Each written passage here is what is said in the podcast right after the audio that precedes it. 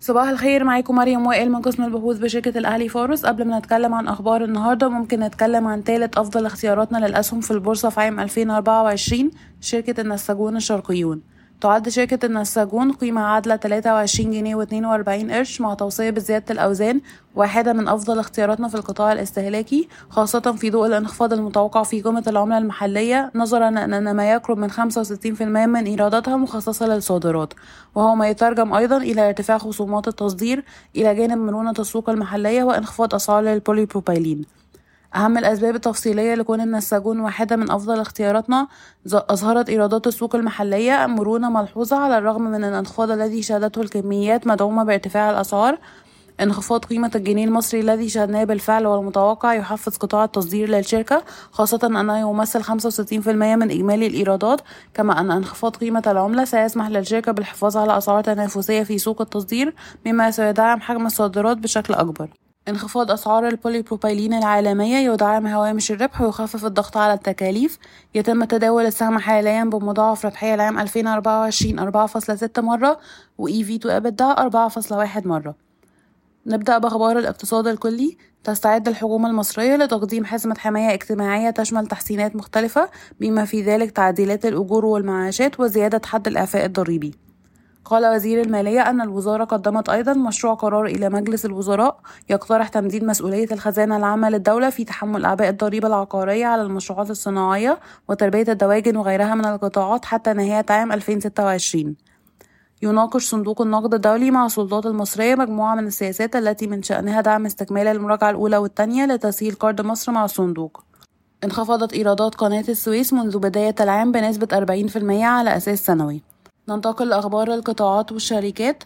أعلنت شركة ADQ و ADNEC عن توقيع اتفاقيات نهائية للاستحواذ الاستراتيجي على حصة قدرها 40.5% في شركة Icon ذراع الضيافة التابعة لشركة طلعت مصطفى من خلال زيادة رأس المال.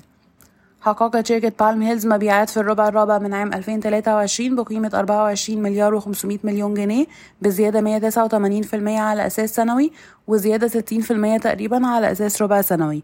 مما يرفع مبيعات عام 2023 إلى 59 مليار و500 مليون جنيه بزيادة 129% تقريبا على أساس سنوي.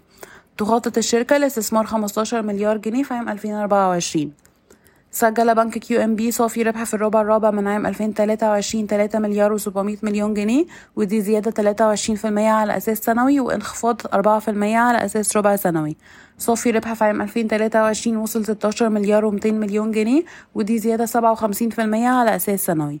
يتم تداول السهم حاليا عند مضاعف قيمة دفترية لعام 2024.8 مرة ومضاعف ربحية 3.9 مرة. البنك التجاري الدولي ومصرف أبو ظبي الإسلامي خفضوا الأسبوع الماضي حدود بطاقات الائتمان على المعاملات الأجنبية المنفذة محليا وخارجيا. اكتسبت شهادات الإيداع لذات العائد المرتفع التي راحها البنك الأهلي المصري وبنك مصر مؤخرا 205 مليار جنيه منذ إطلاقها من 8 أيام.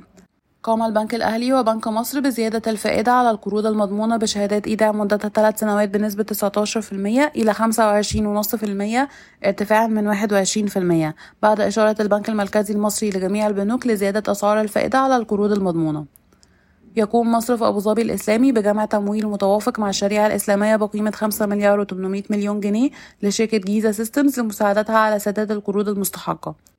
قامت شركة حديد عز برفع أسعار حديد التسليح والمسطح بمقدار 2500 جنيه للطن إلى 44500 جنيه للطن و 45500 جنيه للطن على التوالي اعتبارا من 14 يناير 2024 سجلت شركة حديد عز صادرات بقيمة مليار و500 مليون دولار في عام 2023 ومن المتوقع أن تصل إلى مليار و750 مليون دولار في عام 2024 تعتزم شركة مصر للألمنيوم ضخ استثمارات بقيمة 850 مليون جنيه من أصل الموازنة المقدرة بقيمة مليار جنيه خلال الفترة المتبقية من عام 2023-24 لتنفيذ عدد من المشروعات وشراء الآلات والمعدات بحسب ما نقلته الصحف المحلية.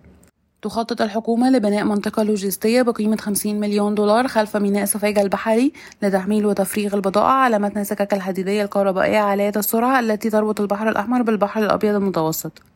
كشف جهاز تنمية المشروعات عن تأسيس شركة جديدة باسم خطوة بالشراكة مع شركة المصرية للاتصالات والبريد المصري برأس مال 150 مليون جنيه.